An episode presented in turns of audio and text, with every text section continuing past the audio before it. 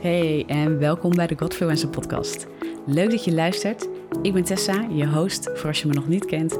En in deze podcast neem ik je heel graag mee in zaken over God, over de werking van je brein, over mindset, gezondheid en dat wat het leven ongenuanceerd op ons pad smijt en hoe we daarmee kunnen dealen als kinderen van God. En um, als je me een beetje kent, ik haal heel graag de fundamenten voor alles wat ik met je deel, haal ik uit het woord van God en uit mijn relatie met God.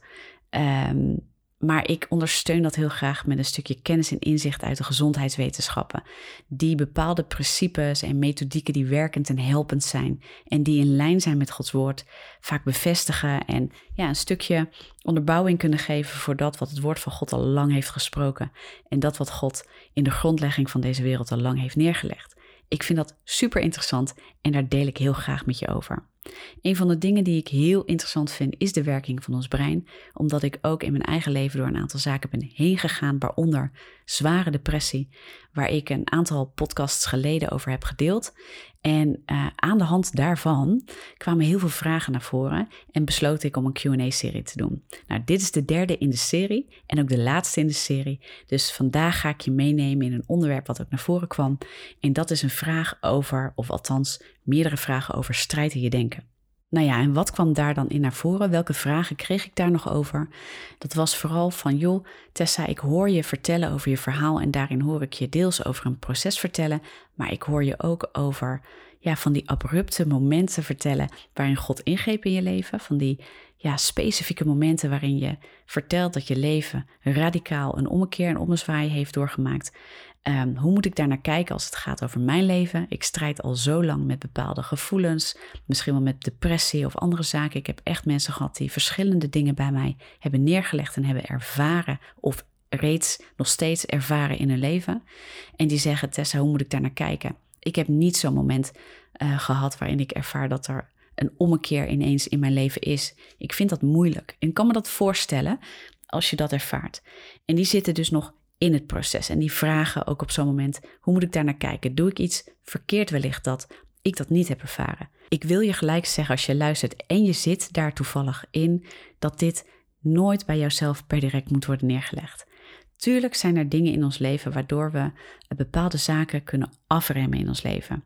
De Bijbel is daar vrij duidelijk over. Als we leven in zonde, als we leven en blijven vasthouden aan patronen die niet in lijn zijn met Gods woord, dan kunnen we een bepaalde rem zetten op de uitwerking van de vruchten die God in ons leven wil bewerken. De Bijbel spreekt heel duidelijk, God spreekt heel duidelijk over de vruchten, de goede vruchten die voortkomen uit een leven in lijn met Gods hart en Gods woord.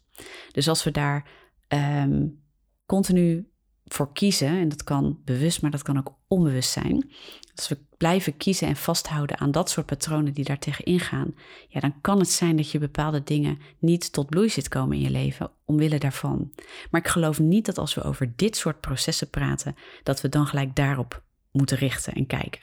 Want heel veel mensen zitten in processen door pijn en willen daar heel graag uit, maar weten gewoon soms niet En ik kan me voorstellen dat je dan dit soort vragen hebt. Dus laat ik daar gelijk helder in zijn. Wees niet bang voor het proces, want ik geloof dat God heel veel uitwerkt in processen. Als ik kijk naar de Bijbel en ik zie hoe hij wandelt, ook in het Oude Testament, met de mensen, dan zijn dat processen van jaren. Hij gaat met zijn volk eeuwen. Echt, God heeft heel veel geduld met ons. God leert ons heel graag. En dat is niet altijd makkelijk. God trekt ons in de processen heel vaak uit onze comfortzone en we moeten daarin durven en willen stappen. Maar dat kunnen we vaak alleen als we denken: hey, dit is de waarheid. Ik weet dat dit Gods wil is en dan is het ook makkelijk om te bewegen. Dus een onderdeel van de processen is vaak het leren kennen van Gods wil en hart voor je leven.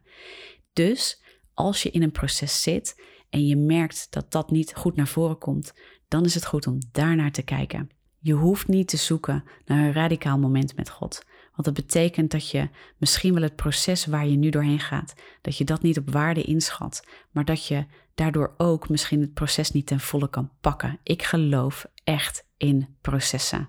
God gaat met ons de weg. Weet je, hij belooft ons niet in zijn woord dat we, zodra we kind zijn van hem, zodra we christen worden, dat de wereld dan ineens heel anders voor ons wordt en dat wij geen lijden meer ervaren of dat wij geen moeilijkheden meer op ons pad krijgen.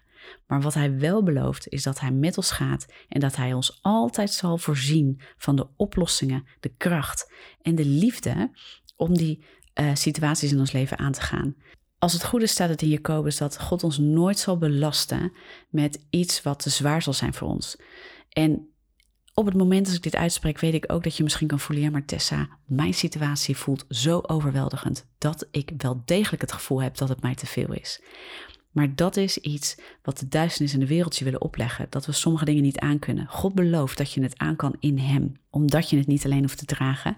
En omdat je een toevlucht in Hem kan zoeken. En omdat Hij altijd met je is in deze processen. En dat wil ik je in ieder geval nu meegeven.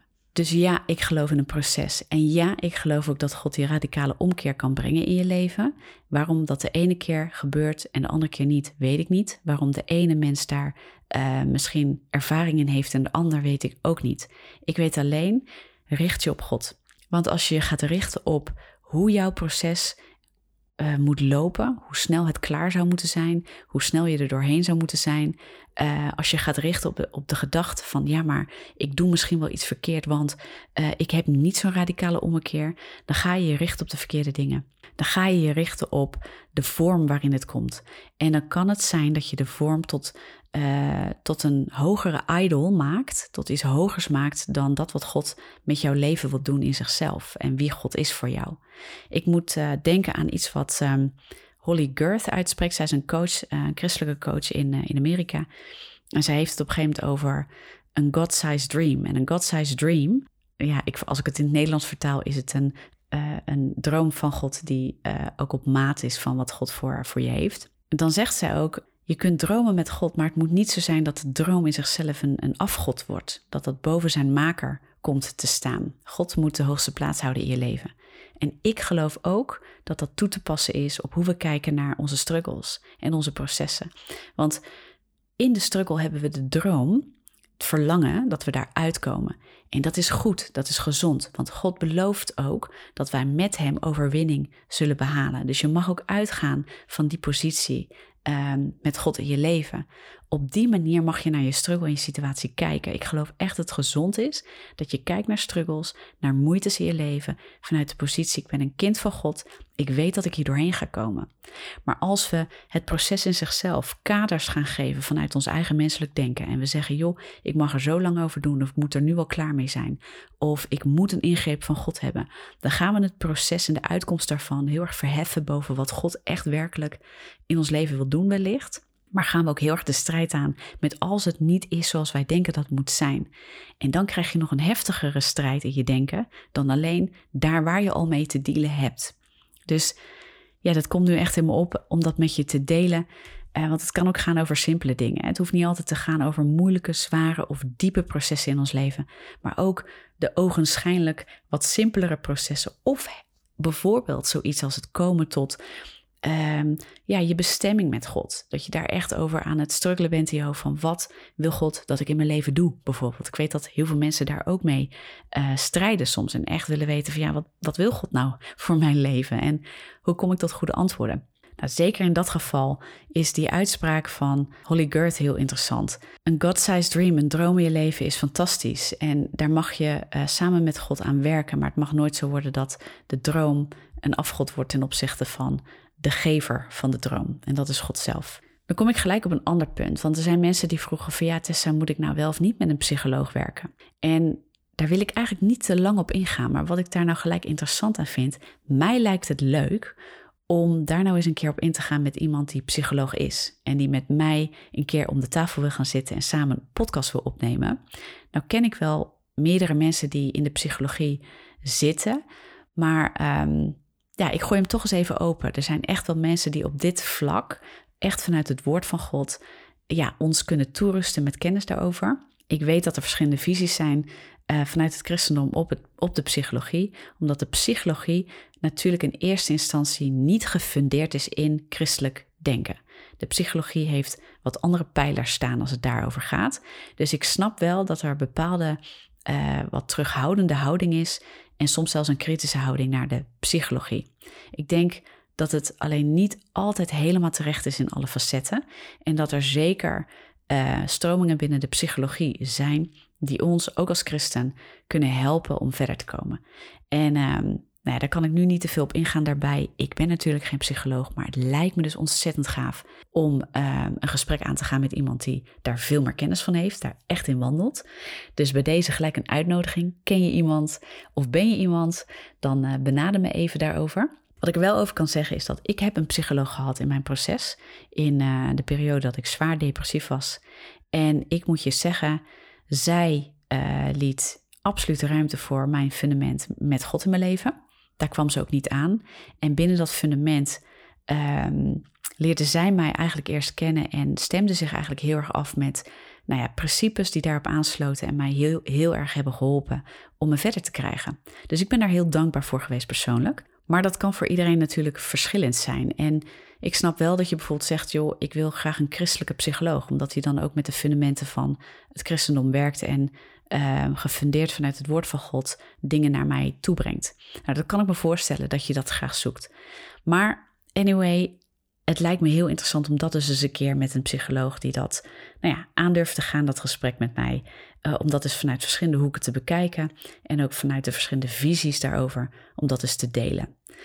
Ik heb er in ieder geval heel veel aan gehad. En weet je, bid daarover als je echt diep zit of als je echt een proces hebt waar je niet uitkomt. Ga ook in gesprek met God daarover om te kijken van waar moet ik nou zijn. Weet je, er zijn ook kerken die heel veel goede hulp bieden vanuit pastoraal, uh, medewerkers of op een andere manier. Uh, een stuk discipelschap, uh, trainingen daarover geven van hoe je met de dingen van God in je leven kunt werken en ook hoe je met strijd in je denken omgaat. Daarop terughakend, dat strijd in je denken, er waren mensen die vroegen aan mij van Tessa, er zijn verschillende visies op strijd in je denken. Althans, die zijn in, in contact geweest met verschillende mensen daarover. En die hebben dus ook verschillende visies aangedragen gekregen. Wat is nou de goede? En ik moet heel erg denken aan een uitspraak die werd gedaan um, in een van de gesprekken met, uh, met iemand die dus ook zo'n vraag stelde. En die zei: Het kan toch niet zo ingewikkeld zijn? En toen dacht ik: Daar ben ik het zo mee eens. En als ik echt kijk naar strijd in je denken, kan ik eigenlijk maar één simpel antwoord geven als antwoord op het omgaan met strijd in je denken. Alleen de uitwerking is misschien niet zo simpel altijd. Maar laat ik je dit zeggen. Als ik kijk naar het woord van God, als ik kijk naar het leven van Jezus, dan is er voor mij maar één ding wat echt enorm veel doet als het gaat over strijd in je denken. En dat is dat de Bijbel eigenlijk één ding altijd naar voren brengt. En dat is het volgende: het vervangen van de leugen door de waarheid. En dat is super simpel als ik het zo uitspreek. Strijd in je denken houdt eigenlijk op als we de leugen kunnen vervangen met de waarheid. Als we in lijn leven met Gods wil, als we in lijn leven met Gods hart voor ons leven, dan kan de leugen ons niet zo raken. Dan komt dat niet meer zo binnen.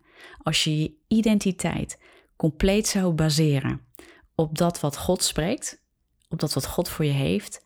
Stel je zou een leven leiden uh, waarbij er eigenlijk helemaal geen leugens in je hoofd zouden zijn. Je zou de waarheid van God kennen en je zou alleen maar leven volgens die waarheid. Dan geloof ik dat je niet zoveel strijd hebt, want je weet gewoon wie je bent en je weet gewoon Gods plan voor je leven. En dan komen er wel rottige situaties op je af, want ja, jij en ik leven nou eenmaal in deze wereld. Maar dan weet je gewoon hoe je ermee moet dealen en dan benader je een strijd die op je afkomt en jou in de strijd wil trekken, benader je altijd vanuit de vrede en de rust van God. De storm raakt je dan niet meer. Het kan stormen om je heen, maar de manier waarop we naar die storm kijken, ja, dat zegt heel veel over het fundament in ons leven. Maar tegelijkertijd wil ik je dit zeggen. Want het zou mooi zijn hè, als je dus uh, een leugen in je denken ontdekt, een strijd in je denken, gebaseerd op een bepaalde leugen, waardoor je die strijd dus ervaart. En je zegt, nou, ik heb de leugen, die, uh, die zie ik. Ik weet ook wat de waarheid is. Ik ga dat vervangen. Ik plug dat even in en ik ben klaar. Ja, was het maar zo makkelijk. um, soms is het zo makkelijk, omdat het soms gewoon zo is dat als je tot bewustwording komt van hey, hey, dit ligt onder mijn strijd. Ik zie, ik word bewust van een bepaalde leugen die ik bijvoorbeeld voorheen niet heb gezien. Ik krijg echt zo'n openbaring, zo'n inzicht van, oh, dit is het. En je kunt dat gelijk vervangen, dan soms is het grondgebied voor zo'n strijd ook gelijk weg. Dan valt het van je af. Dat heb ik zelf echt meegemaakt in mijn leven. Dat is onder andere een van de dingen waarop ik um, in, een, in een radicaal moment, zeg maar, in een specifiek moment met God op grond van het woord van God dus ook echt zo'n openbaring ontving en een radicale omzwaai in mijn leven heb ervaren. Dat zijn dat soort momenten. Dus die gebeuren, dat geloof ik zeker. Maar het kan ook zijn dat je denkt, ja, ik zie die leugen wel en ik weet de waarheid ook en ik vertel mezelf die waarheid, maar daar gebeurt niks of het is zwaar. Ik moet elke ochtend weer de strijd aan met alles wat mij overspoelt aan emoties ehm, en gedachten in mijn denken. En dan is het een proces. Dan wordt het echt een proces waarbij je aangaat dat je de waarheid blijft planten in je leven. En dat je het patroon, wat gekoppeld is aan, de, aan die leugen, zeg maar. Dus niet alleen de gedachten die gekoppeld zijn aan een leugen. En laat ik, laat ik hier gelijk even duidelijk over zijn. De leugen, als ik het daarover heb, dan heb ik het over dat wat de wereld en wat ook de duisternis in gebrokenheid aan ons heeft opgelegd. Wat we hebben geleerd, wat is ontstaan eh, door pijn, door kwetsing, door andere zaken. We worden allemaal geboren in deze wereld en deze wereld leert ons gebrokenheid. Dat is helaas nou eenmaal zo. En daardoor bouwen we ook gebroken patronen in ons leven. Dat is wat ik bedoel met de leugen. De duivel komt om uh, te stelen, te roven en te moorden. En de duivel is ook de vader van de leugen. Ja, die plant dingen in ons die tegen het woord en de liefde van God ingaan om ons kapot te maken. Simpel, zo is het. En dat moeten we gaan ontdekken, ontmaskeren en ontmantelen gedachten gevangen nemen, zegt 2 Korinthe 10, vers 4 en 5, om ze uh, onder gehoorzaamheid te brengen aan Christus, oftewel aan de waarheid van God. En als we dus de leugen met de waarheid gaan vervangen, dan worden we vernieuwd, zoals Romeinen 12, vers 2 daarover spreekt. Waarin echt onze gezindheid, hè, dat gaat niet alleen over onze gedachten, maar ook over onze wil en onze emoties, dat we dat helemaal kunnen uh, vernieuwen onze gezindheid kunnen vernieuwen in de waarheid van Christus. Als God zegt dat dat kan, dan kan dat dus ook. God zegt niet dat iets kan om ons vervolgens te laten struggelen en erachter te laten komen dat het niet zou kunnen. Dus ook het idee dat je in een struggle zit en er nooit uit gaat komen, is een leugen van de duivel. Want God spreekt dat je eruit kan komen. Maar dat het niet altijd gaat zoals wij willen en hopen, dat klopt. En dat we soms dieper moeten gaan, omdat we niet alleen de leugen moeten ontmaskeren, maar ook de bijbehorende gedachten, emoties en de diepe patronen die soms al jaren in ons leven zitten ingeslepen. En dat we dat ook een ommekeer moeten gaan geven, dat we dat moeten aanpakken, dat we dat moeten disciplineren. De Bijbel spreekt ook niet voor niks over discipelschap en onszelf disciplineren naar het woord van God, naar de waarheid. En daarvoor blijven staan en daarin blijven gaan, omdat de duisternis nooit stopt met ons onderuit te willen halen. En weet je, ik ben niet iemand die elke tegenslag als een uh, aanval van de duivel ziet. Laat ik daar heel helder in zijn. Heel veel tegenslagen hebben te maken met onszelf. De Bijbel is er heel duidelijk over dat heel veel tegenslagen die we kunnen ervaren. Ik zeg overigens niet dat dit zo is voor jouw situatie nu, maar het is wel iets uh, waar we soms even over na moeten willen denken ook, want het is ook een reëel stuk. Maar als wij in zonde leven, of als we herhaaldelijk dingen blijven doen die tegen God wil ingaan, ja, dan zegt de Bijbel ook, ja, dat levert niet de juiste vrucht op in je leven. Nou kan het zijn dat je onwetend bent in een aantal dingen. Dan gaat de Heilige Geest je helpen, dat zegt de Bijbel ook. De Heilige Geest gaat je erop wijzen wat je mag veranderen. En ik geloof niet dat de Heilige Geest je in een dusdanig keurslijf drukt waarbij je alleen nog maar in schuldgevoel wandelt en denkt ik doe alles verkeerd en daarom gaat het niet goed. Dat is niet uit de Heilige Geest. De duivel is een aanklager en die wil jou continu het gevoel geven dat je er niet bent, dat het niet lukt, dat het niet goed gaat komen en dat jij alles verkeerd doet waardoor God niet in je leven wil spreken. En dat is niet waar. Als je doelbewust tegen God in blijft gaan, je weet wat zonde is en je weet dat dingen niet goed zijn, dan moet je wel gaan nadenken op een gegeven moment. Maar het is de Heilige Geest die ons dingen openbaart, zodat we vanuit onze liefdevolle relatie met God in de dingen van God kunnen bewegen. God houdt zich niet terug. Dat is een leugen van de duivel. Als je dat denkt, ik wil je daar zo ontzettend in aanmoedigen. God houdt niet terug. God houdt van je. En als je alleen maar met je armen open naar hem toe staat en zegt: Heer, help mij. God zal nooit zijn kind een steen geven als het om een brood vraagt. En dat is de Bijbel. Dat is de waarheid. En je hoort ook de passie in mijn stem. Daarmee wil ik je bemoedigen. Dat is echt iets waar ik passie voor heb. Echt iets waarvan ik geloof dat je dat moet horen, weten en kennen. Dat moest er even uit. Ik merk dat ik daar heel gepassioneerd over ben. Want ik weet dat er mensen luisteren die strijd hebben, die diep zitten en die zichzelf ook als het ware bijna blijven martelen in die strijd. Door zichzelf te vertellen dat ze niet goed genoeg zijn, dat God niet om hen geeft en dat God hen niet wil helpen. Dat ze altijd iets hebben gedaan wat instaat tussen hen en de relatie met God. En het is niet waar. Wel als je dat bewust doet, dan moet er een moment bij je komen dat je zegt: En nu is het klaar. En nu ga ik me bekeren en laat ik los. En dat mag ook gezegd worden. In die christelijke wereld moeten we ook niet bang zijn om dat te kunnen zeggen. Maar altijd in liefde. Je kunt niet zomaar tegen iemand zeggen: van joh, jij hebt struggle, dus je zal wel iets verkeerd doen wat ervoor zorgt dat je struggle hebt. Dat geloof ik niet. Dat is niet goed en dat is niet de manier waarop we elkaar moeten benaderen. Maar als er iets is wat iemand herhaaldelijk blijft doen, en dan wil ik eigenlijk even dat je naar binnen kijkt en dat je dat bij jezelf bekijkt voordat je naar een ander gaat kijken. Maar als wij iets doen wat we herhaaldelijk blijven doen, terwijl we weten dat het ingaat tegen wat God ons leert, dan wordt het wel tijd dat je je bekeert. En dat je daar echt ten diepste van losmaakt. En ook dat kan een proces zijn, want iets wat je al heel lang doet, um, is een diep genesteld en ingeslepen patroon geworden in je leven. En dus ook bekering.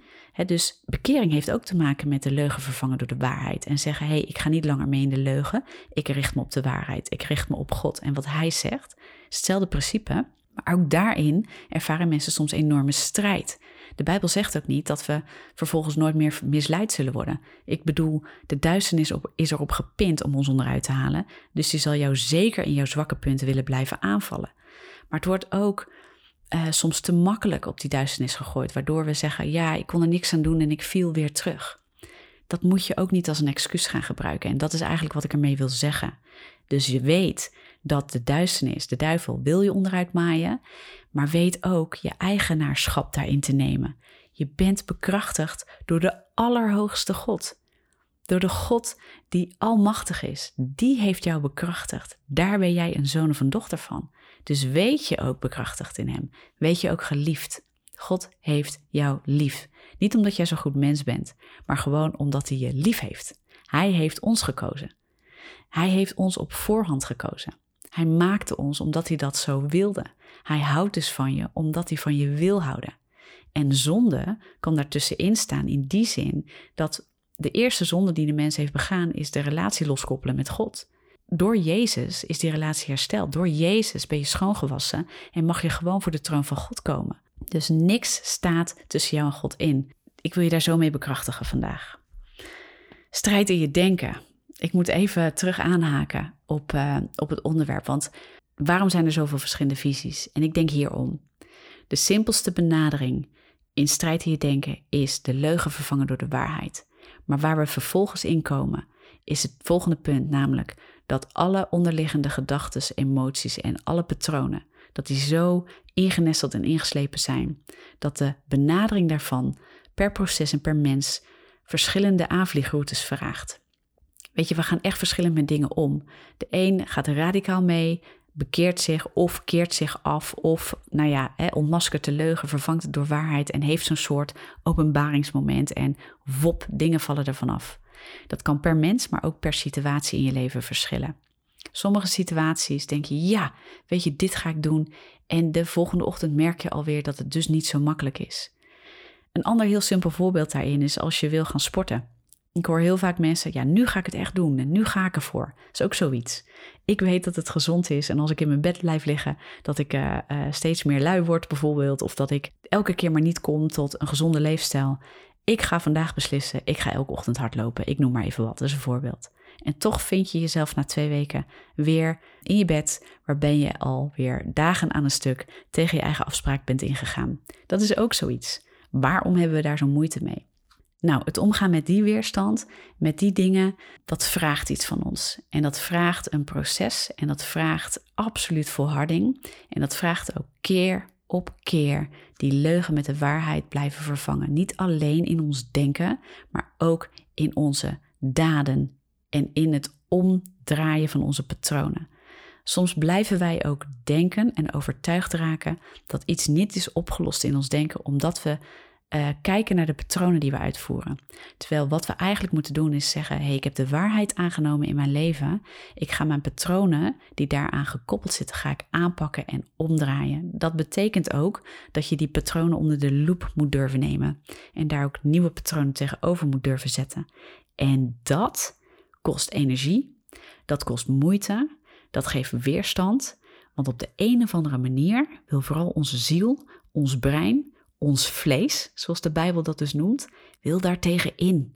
Die wil niet veranderen. Want veranderen kost moeite, kost tijd, voelt oncomfortabel, voelt niet fijn. Als je moet gaan sporten, dan kost het allemaal energie. Dan ben je moe daarna, dan, dan moet je de deur uit, dan moet je tijd insteken.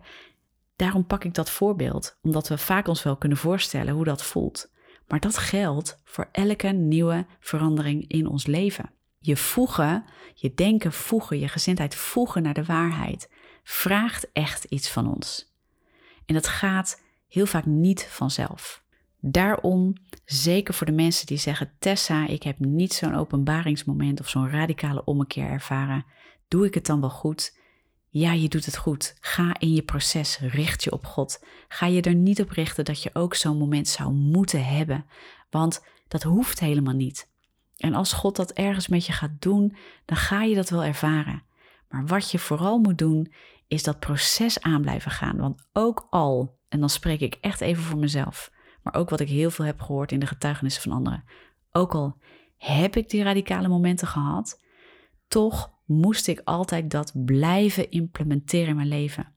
De duisternis laat niet los als je de waarheid inbouwt in je leven. Die zal er alles aan doen om je onderuit te maaien. nogmaals, niet elke tegenslag moeten we als een excuus op, uh, op de duisternis of op de, de duivel gooien. Neem je verantwoording. En de verantwoording is dat ondanks dat de wereld en de duivel je onderuit willen maaien, is dat je ondanks dat altijd kiest voor de waarheid en dat je jezelf daarin disciplineert. En dat vraagt echt een proces en dat kan soms heel lang duren en dat kan soms echt heel vervelend voelen. Maar laat daarin nooit de leugen ontstaan dat jij er niet uit kan komen, dat het jou niet gaat lukken en een ander wel, dat jij het verkeerd doet, waardoor het niet al opgelost is bijvoorbeeld. Blijf daarvan weg. Daar wilde ik je echt in aanmoedigen vandaag. Daarmee wil ik deze laatste QA afsluiten. Ik heb natuurlijk gehad in deze laatste eh, QA over nou, de strijd in je denken. Wat zijn de verschillende visies? Maar vooral, wat is de aanvliegroute als je kijkt vanuit de Bijbel om daarmee om te gaan? En dat is echt de leugen vervangen door de waarheid. En zo simpel als het klinkt, is het dus niet altijd even makkelijk in de uitwerking van je leven. Maar dat belooft de Bijbel ook niet. De Bijbel belooft wel dat God met je is. Alle dagen van je leven, in elk proces. En dat je met Jezus tot overwinning komt. Dat is wat ik je mee wilde geven. Dus ja, daarmee wil ik de podcast echt gaan afsluiten. Deze QA ook afsluiten. En weet dat je altijd met je vragen mag komen. Je mag me benaderen op social media. Je mag me benaderen via de mail. Het kan soms even duren voordat ik een antwoord kan geven, uh, omdat ik alles met aandacht behandel. Maar um, ja, ik kom er eigenlijk altijd op terug. En als ik heel vaak dezelfde vraag krijg, dan kies ik er dus wel eens voor om het op deze manier ergens terug te laten komen. Al dan niet in de podcast of in een video, uh, maar laat ik het ergens terugkomen. Dank je wel voor het luisteren. En ik hoop dat deze podcast je ergens heeft aangevuurd en aangemoedigd. Als je er wat aan hebt, uh, en je denkt dat het ook voor anderen iets doet, deel het met mensen. Uh, je kan het delen via de social media platformen. Je kan mensen erover vertellen natuurlijk. Ik ben er ook mee geholpen. Op iTunes kun je een rating geven, kun je het liken, kun je een review achterlaten. Dus heel erg leuk als je dat wil doen. Op Spotify kan dat helaas niet. Dat is een beetje jammer nog. Um, maar laat me zeker weten wat dit met je doet. En als je vragen hebt, kom daarmee. Heel leuk als je me ergens tagt, bijvoorbeeld ook op Instagram of op Facebook. Uh, dan deel ik dat vaak ook weer even, maar dan weet ik ook dat je het ergens hebt gedeeld. Dus tag me ook even uh, als je iets laat weten ergens aan jouw volgers weer. En dan uh, kan ik eens kijken wat je hebt gedeeld. En dat vind ik ontzettend leuk, want dat bemoedigt mij ook weer. Bij deze ga ik afronden. Ik wens je een hele mooie dag en ik spreek je heel graag in de volgende aflevering.